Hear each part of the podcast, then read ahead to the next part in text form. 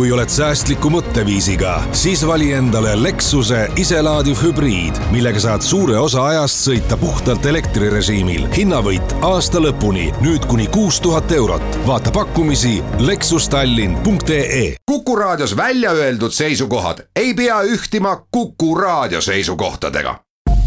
Te kuulate Kuku raadiot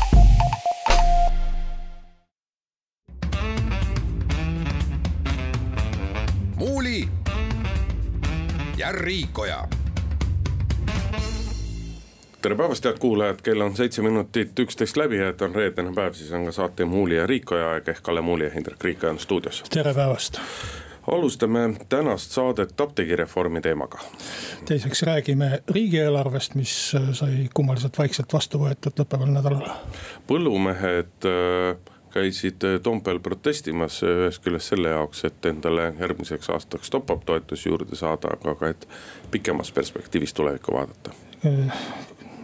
neljanda teemana vaatame natuke Tallinnast kaugemale, ehk siis kohalikesse omavalitsustesse, kus on kummalisel kombel üles kerkinud mõned probleemid koolidirektoritega, keda siis on vallandatud, aga väidetavalt mitte just põhjusega. ja saate lõpetuseks räägime muutunud korrast, et äh, kaotati ära poliitilise välireklaami piirang ennem valimisi ja nüüdsest on valimisagitatsioon lubatud ka valimispäeval. muuli ja Riikoja apteegireformist äh, rääkides ei teagi kohe nüüd äh, kustkohast alustada, et viimasel. alusta algusest. viimastel nädalatel oleme me seda siin päris mitu korda seda teemat lahanud. sellel nädalal anti siis riigikogule üle eelnõu, mis tühistab äh, seni planeeritud ja, ja neli, üle nelja aasta oodatud apteegireformi ja läinud on ikka kõik kuidagi nii, et kui kogu aeg siin viimase paari kuu jooksul, kui on koos käinud töörühmad ja nii-öelda mõte üles kerkis siis ikka on räägitud kogu aeg, kogu aeg, et ootame ja vaatame ja ega me täpselt ei tea, kuidas, mis sellest reformist saab ja millised need muudatused siis olema saavad, aga kõik kuidagi nii-öelda tundub, et pöördumatult üürib selle suunas, et kaovad igasugused või õigupoolest ei hakka kehtima siis eh, omandipiirangud ja, ja muudki, muudki meetmed saavad leevendust ehk väga selgelt eh, kannab see reformi ärajätmine ainult äh, nii-öelda seniste suurte ketiapteekide huve ja ka ravimi hulgimüüjate huve, kellel ei keelata ära ka apteegikettide omamist. nojah, äh, see on üks, üks näide ilmselt sellest, kui, kui Toomas Hendrik Ilves ütles, et parlament ei peaks olema äh, kummitempel. siis praegu me näeme olukorda, kus selle valdkonna ministeeriumi minister on reformi vastu ja ei ole seda eelnõud esitatud. parlament on ise siis sellega tegelenud ja hoolimata sellest, et sotsiaalminister Tanel Kiik kuulutab siiamaani, et äh, tema ei ole sellega põrmugi nõus. parlament äh, läheb oma asjaga edasi. aga no vähemalt nii palju viiteid on vastuoludele Keskerakonnas endas, et äh, isegi selleks, et sotsiaalkomisjonis otsus läbi läheks, pidid nad vahetama komisjonis liikmeid, millest võib siis järeldada, et fraktsioonis on enamus selle Äh, reformi ärajätmise poolt, aga ei ole üksmeelt, ehk siis äh, suure saali hääletusel äh, võivad sealt osad hääled hajuda või, või kaduda, sest noh. Marika Tuus-Laul vaevalt, et ta nüüd hakkab seal lugemiste vahel oma meelt muutma, kui ta juba praegu ei muutnud. tema oli see komisjoni liige, kes tuli siis välja vahetada selleks, et hääled komisjonis koos olid. aga noh, ma arvan, et see on nüüd neljas kord siin eetris või, või vähemalt kolmas, kus ma ütlen, et mulle ei meeldi ei reformi ärajätmine ega reformi eh, tegemine, et noh, ärajätmise puhul. seal on mitu halba asja. üks asi, halb asi on muidugi see, mille pärast seda reformi plaaniti, et eh, jaemüük ja hulgimüük lahutada. Eh, tekitada konkurentsi suuremat see jääb siis ära, viis aastat sisuliselt on nagu maha visatud, mitte midagi ei ole tehtud. teiseks noh seaduste usaldusväärsus selles mõttes, et seadust ei ole veel hakatud rakendamagi. viis aastat on oodatud ja siis ta tühistatakse ära. mis loob sellise mulje, et noh, kuidas nende teiste seaduste ikkagi on, et mis me ikka neid hakkame ette valmistama praktilises elus, kui võib juhtuda, et parlament tuleb kokku ja viimasel päeval muudab kõik ära. aga samas noh, kui see reform jõustuks, siis vähemalt maapiirkondades on sada kuuskümmend apteeki umbes või sada viiskümmend, ma lugesin kokku, jätame linnad kõrvale mis läheksid kinni, et kujutage ette, et kui me tuleksime praegu välja uudisega, et maapiirkondadest suletaks sada viiskümmend postkontorit või sada viiskümmend pangaautomaati. või sada viiskümmend poodi, ma ei tea, mida iganes. et no ega see ei ole selline uudis, millega poliitikud tahaksid rahva ette astuda ja, ja ma arvan, et, et kui see, see reform lastaks käiku siis pärast seda oleks pahameelt täpselt sama palju, kui praegu on enne seda, kui reformi valmistatakse tühistama. no vaata, see on selline uskumise, uskumise asi see, et kas sada kuuskümmend apteeki maapiirkondades läheb kinni või ei lähe kinni. mina isiklikult. ma, ma arvan ei..., et, ma arvan, et ettevõtjad, nad lasevad kiusu pärast äh, kinni ei, mina ei usu, et ettevõtjad lasevad kiusu pärast kinni. mina arvan küll, et kui ettevõtjatel on selge, oleks selge, et nii-öelda pääsu ei ole, et, et senine nii-öelda planeeritud reform jääks, jääks kehtima, siis siis müüdaks, müüdaks need apteegid lihtsalt proviisoritele valdavas osas, loomulikult kindlasti mitte kõik, aga valdav osa nendest müüdakse proviisoritele maha. ja ega proviisorid on, oota, oota, luba ma lõpetan. et ega proviisorid on ju seni ka nagu viidanud, korduvalt viidanud sellele, et, et nad on juba tänasel hetkel valmis ostma, aga kuna ei ole tänastel apteegikettidel olnud kindlat selgust, et reform tõepoolest ka kehtima jääb, siis keegi ei ole olnud valmis müüma. aga mina ei usu sellesse, sellesse kiusujuttu, et siin mõni üksik võib üritada pisut kiusu ajada, aga, aga valdav osa apteegi, tänastest apteegikettide omanikest ja meil neid kette ei ole ju palju, kolm-neli tükki. et äh, nad ei ole valmis seda nii-öelda kahjumit lihtsalt endale nagu sisse võtma ma saan sellest aru, et see on vara, see kolmsada kakskümmend apteeki.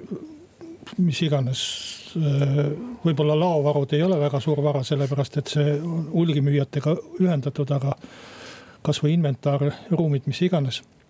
ja, ja keegi ei taha ju lasta oma vara hävineda aga kui sa mõtled selle apteekide arvu peale, kolmsada kakskümmend apteeki ja kui neid peaks hakkama kuskil märtsikuus müüma või, või, või midagi sellist et äh, juba tehniliselt ostjate leidmine, müügitehingute no, tegemine. jäta nüüd, kui, kui riigikogu, kui poliitikud annaksid tänasel hetkel väga selge signaali, et me ei tagane sellest apteegireformist, siis hakatakse selle müügiprotsessiga kohe aasta alguses pihta, aga, aga praegusel hetkel on kindlasti on see niimoodi, et poliitikud on lasknud endale öö, apteegi, tänastel apteegi omanikel on poliitikud lasknud ennast ära hirmutada ja lasknud endale pähe istuda, et see on kindel.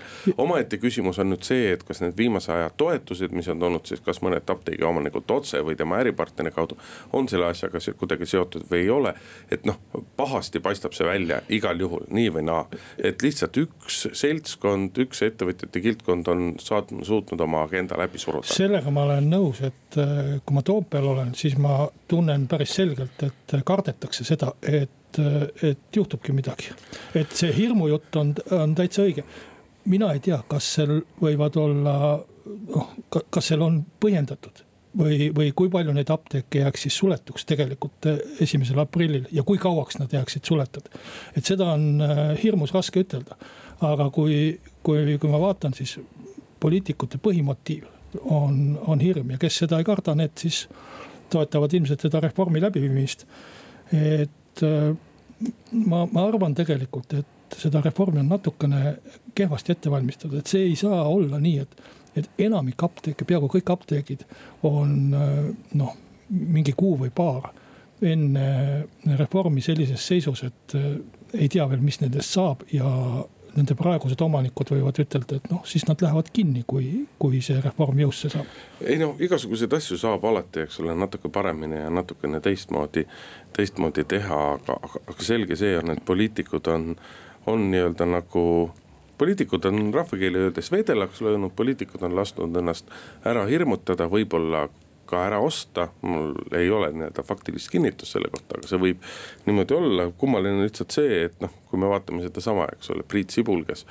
kes on praegu sinu erakonnakaaslane, on eest vedanud, et kes räägib sellest, et kuidas ikkagi see on algusest peale paha olnud, et, et miks ta siis kahe tuhande viieteistkümnenda aasta veebruaris küll selle poolt hääletas. seda, seda komisjoni juhtis siiski Tõnis Mölder Keskerakonnast. ei no seda küll, aga Priit Sibul oli üks väga selge nii-öelda eestkõnelejaid sellele asjale sinu erakonna poolt, et.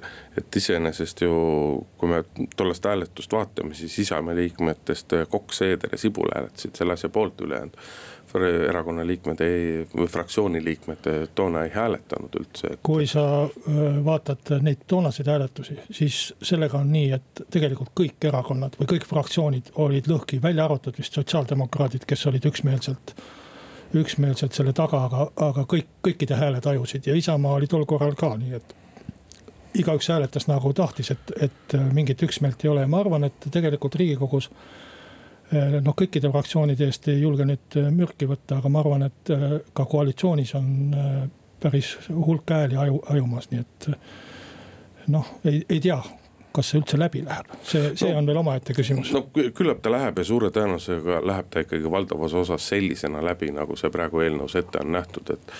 Need võimalused, mis õhku on visatud, et, et kui seal mingisuguseid muudatusi tehakse, siis on need muudatused pigem kosmeetiliselt ja, ja sisult jääb ikkagi kõik selliseks, et et tänased apteegiettevõtjad on lihtsalt pähe istunud, on endale väga korraliku lobiorganisatsiooni teinud, kes on suutnud väga korralikult lobistada ja.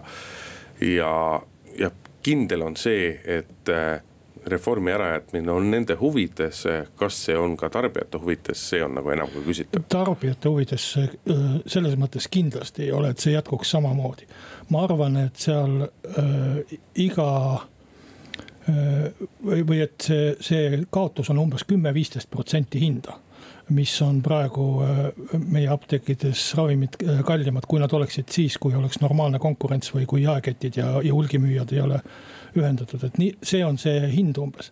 aga ma ei tea, kas see on tarbijate huvides, kui, kui riskida sellega, et, et kolmsada kuuskümmend või kolmsada kakskümmend apteeki pannakse kinni, ma arvan, et linnades ei ole see probleem igal pool on neid apteeke, aga äh, mina ütlen, et minule ei meeldi kumbki variant, mina lahutaks need jaeketid ja hulgimüüjad ära aga ma ei teeks proviisori apteeke. julgemalt, kallid poliitikud, teeme siinkohal väikse pausi, teenime ka oma omanikule raha.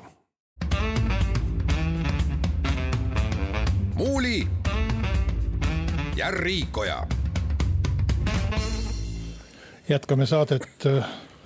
lõppeval nädalal võttis riigikogu vastu riigieelarve nii vaikselt, et ma ei mäleta kogu oma, oma äh, pikast mälust hoolimata sellist äh, möödaminnes või, või meedia tähelepanuta jäänud äh, riigieelarvet. eelmis-, eelmistel aastatel on vähemalt katuserahadest kolm-neli päeva järjest jahutud, aga, aga seekord isegi ei, ei pälvinud need rohkemat tähelepanu kui üksikuid uudiseid, nii et kõik, kõik muud emotsionaalsed asjad, alates Laine Randjärve lahkumisest Viimsi vallavalitsuse eesotsast tunduvad kõige hoopis tähtsamad olevat kui riigi kõige tähtsam seadus, nii et no ma ei ole muidugi kindel. teeme et... seda mõne minuti jooksul tasa vähemalt. ma ei ole muidugi kindel, et, et tegemist on tingimata riigi kõige olulisema seadusega. absoluutselt kõige olulisema seadusega. et aga noh, eks see tõsiasi et sellest kõigest nii vähe juttu on, näitab tegelikult selles, et kui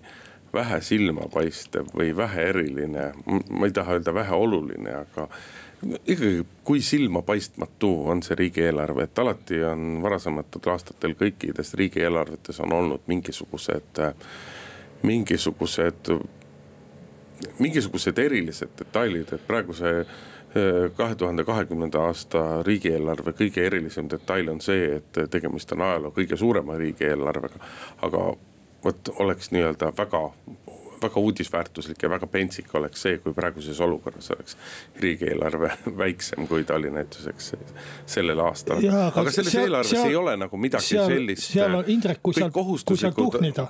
kui seal kõik. kui seal tuhnida, seal on palju kummalisi asju. palju kummalisi asju, asju, palju pisikesi asju, noh alut-, alustades nendest samadest katuserahadest ja millest kõigest veel, aga.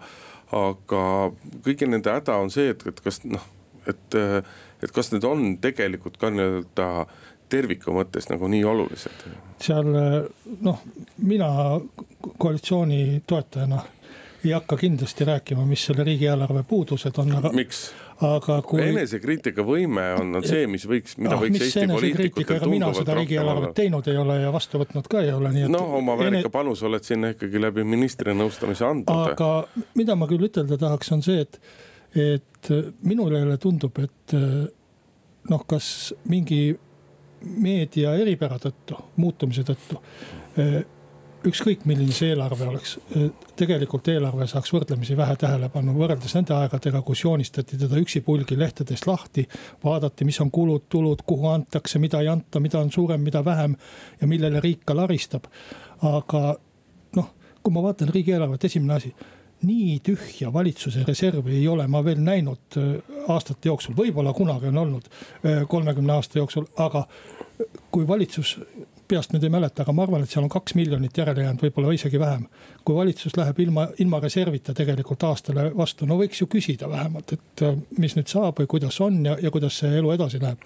aga, aga selliseid no, kohti on seal riigieelarves palju ja palju ja keegi ei viitsi ega vaevugi, aga võib-olla, et ka ei olegi äkki toimetustesse jäänud sellised analüütikud, kes oleks võimelised seda riigieelarvet lahti, äkki riigieelarve on nii keeruliseks aetud? ma ei ole kindel, kas riigieelarve on nii keeruliseks aetud, aga aga küsimus selle kohta või, või oletus, et võib-olla toimetustes ei ole enam nii häid spetsialiste on mingites kohtades paraku kindlasti, kindlasti kahetsusväärsel kombel ka, ka täiesti tõsi. aga, aga kõik need olulisemad asjad, mis selles riigieelarves on, on juba ammu kordi ja kordi ja kordi, kordi äh, läbi räägitud, aga kuigi tegemist on nii-öelda äh, meil on valimiste järgse esimese riigieelarvega, siis ei ole seal selliseid äh, noh. valitsus ei ole teinud midagi uut, midagi erilist, kärbitud on natuke mingisuguseid makse. et kõik need muudatused, mis tehtud on, on kosmeetilised ja, ja, ja tegelikult nii-öelda selle, selle riigieelarve kõige iseloomustavam sõna on see, et see on sihuke see on hädapärast ära tehtud asjade riigieelarve. ehk kohustuslik programm katsutakse niivõrd, kuivõrd vähegi võimalik on ära teha ja rohkemaks lihtsalt selles riigieelarves ei ole raha. seda muidugi, sellepärast et üle pikkade aegade on esimene riigieelarve, kus äh, võimule tulnud valitsus ei tõsta makse ja, ja see sellepärast. jah, Isamaa on lõpuks ometi suutnud lahti lasta sellest, et ta oma pidevast vajadusest eh, olla valitsuses ja makse tõsta? see eh, on olnud kõikide valitsuste ja kõikide erakondade teene, et, et viimastel aegadel on valitsused kogu aeg makse tõstnud või vähemalt eh, noh, mingisugused makse mak,. aga Kalle, ma võtan sul nüüd sõna suust ära, sellepärast et ootab ees reklaam ja pool tundi. aga tuleks järgmine aasta täpselt samasugune või eelarve, kus täpselt samuti ei ole maksutõuse, ma usun seda küll.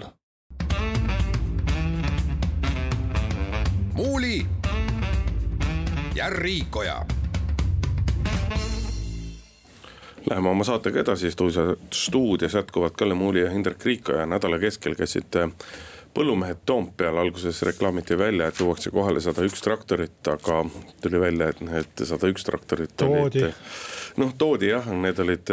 See just nimelt toodi, mitte ei sõidetud. kingipaki sees äh, väiksed puustraktorid igale riigikogu liikmele, kümmekond muidugi päris traktorit oli ka platsi peal, platsi peal kohal ja eks peamiselt räägiti sellest, et järgmiseks aastaks loodetakse ikkagi nii-öelda saada täies mahus top-up toetusi, ehk siis äh, kiirelt meelde tuletada Eesti.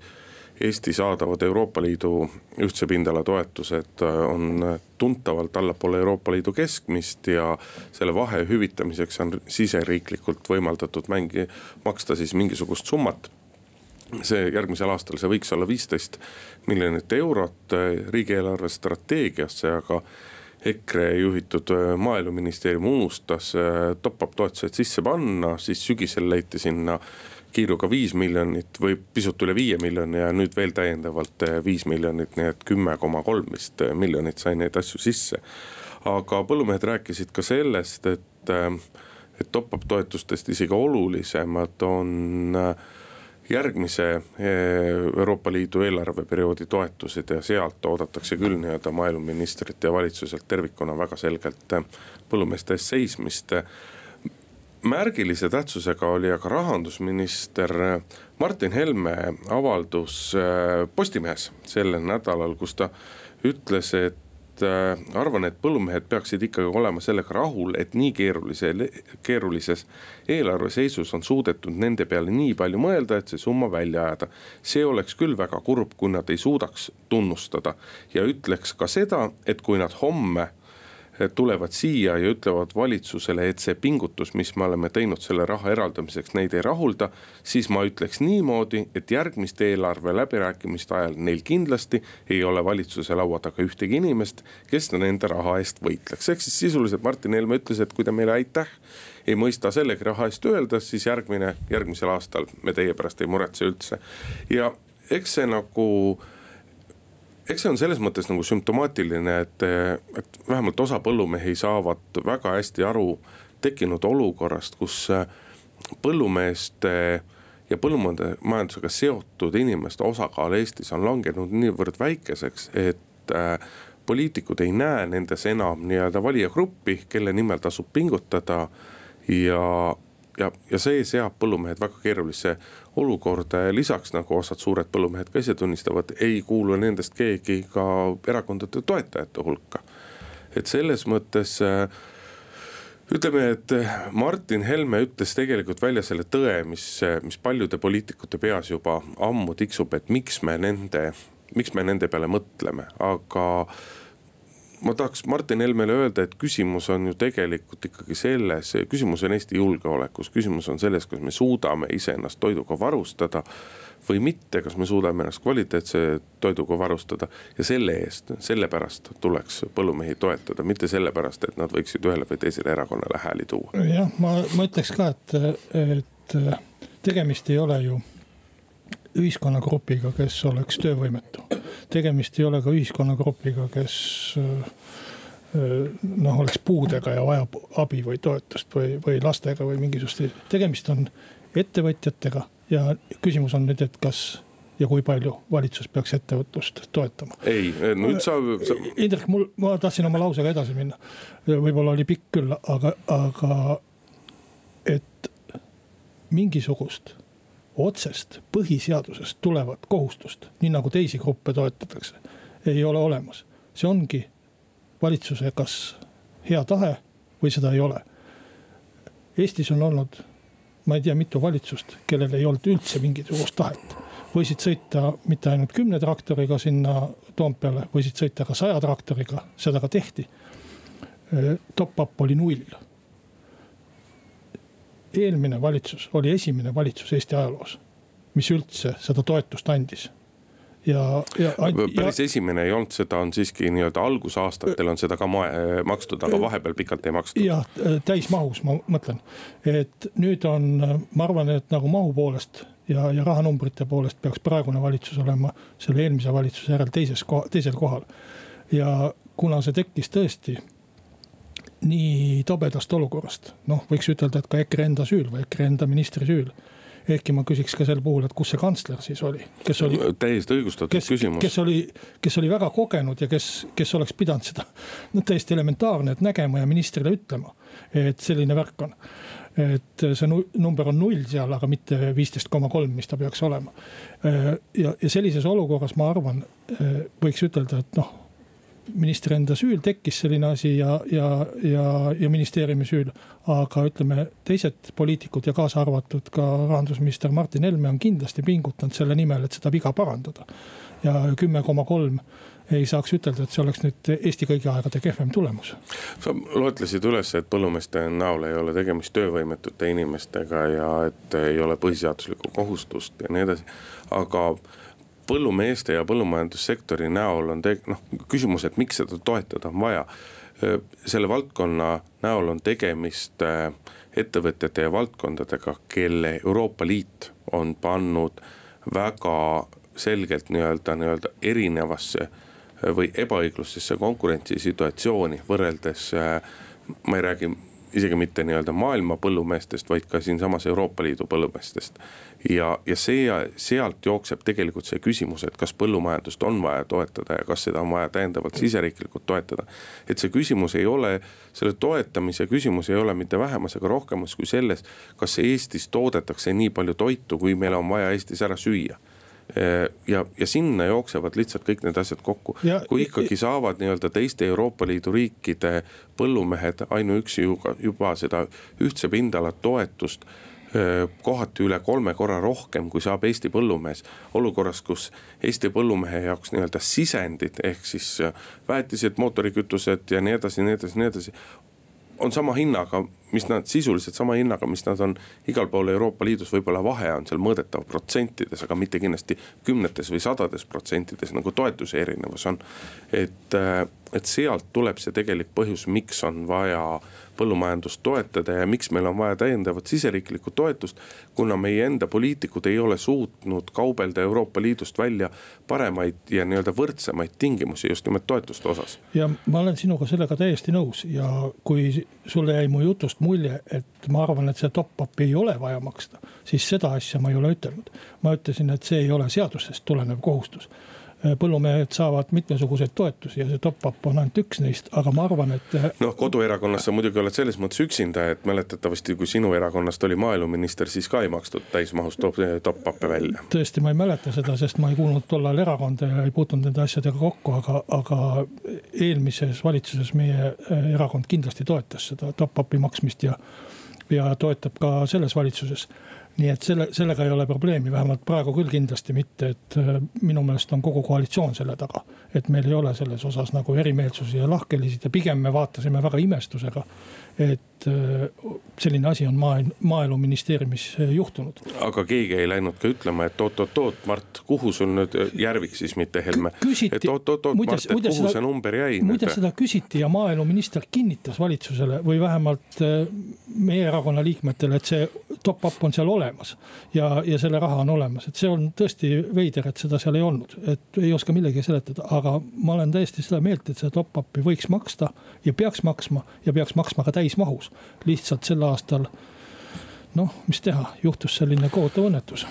teema lõpetuseks, mida ma tahaks nagu põllumeeste kohta öelda, et, et ma julgen öelda, et aastakümneid on nagu põllumeestest käinud või põllumeeste seast valdavalt kostnud nii-öelda selline noh, halvasti öeldes üks ving ja hala, kuidas meil on kõik nii kuidas meil on kõik nii raske, kuidas kõik peaksid meid toetama, aga keegi meid ei armasta ja keegi mind ei toeta, et sellel samal, äh, sellenädalasel meeleavaldusel mulle nagu väga meeldib see nii-öelda äh, põllumeeste jutu muutus just nimelt selles osas, et, et põllumehed on hakanud nii-öelda selgelt ja arusaadavalt nagu seletama miks neid toetusi on vaja ja just välja tooma seda, et see ei ole mitte lihtsalt noh, nagu raha külvamine, vaid sellel on väga selged põhjused.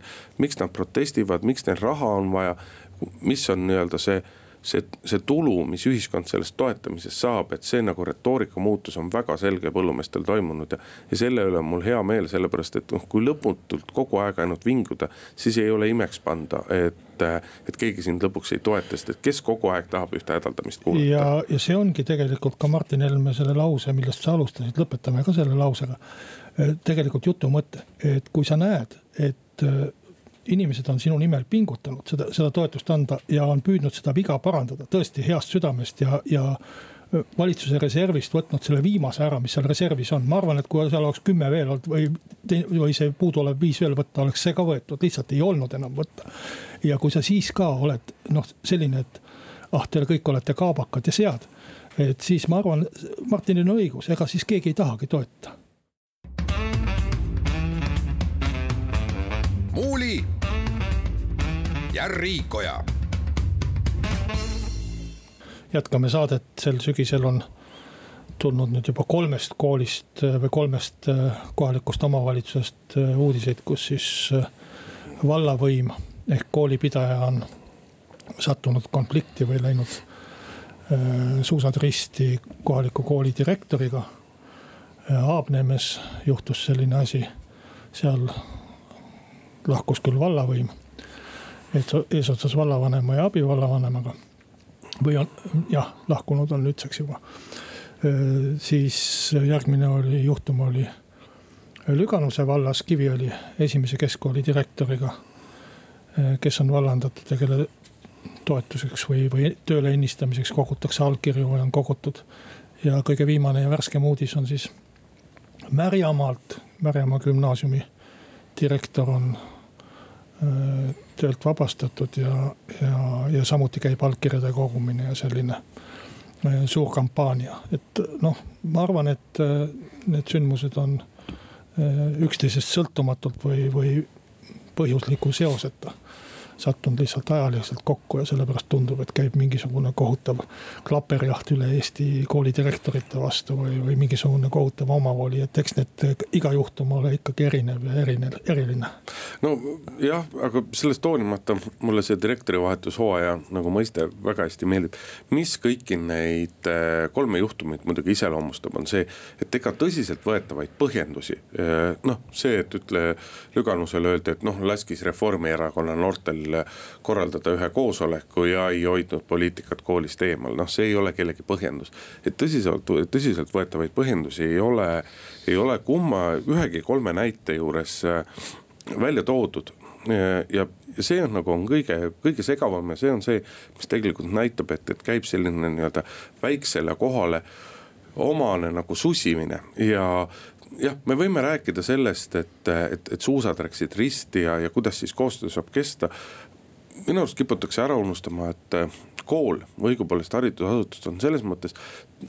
seda ei saa võrrelda riigiettevõtte või riigiameti või asjaga, kuna koolil on see hariduse andmise hariduse andmise taust ja, ja seal on väga oluline on see, et direktor oleks isiksus, et ta oleks eeskujuks eelkõige õpilastele, aga ka õpetajatele ja.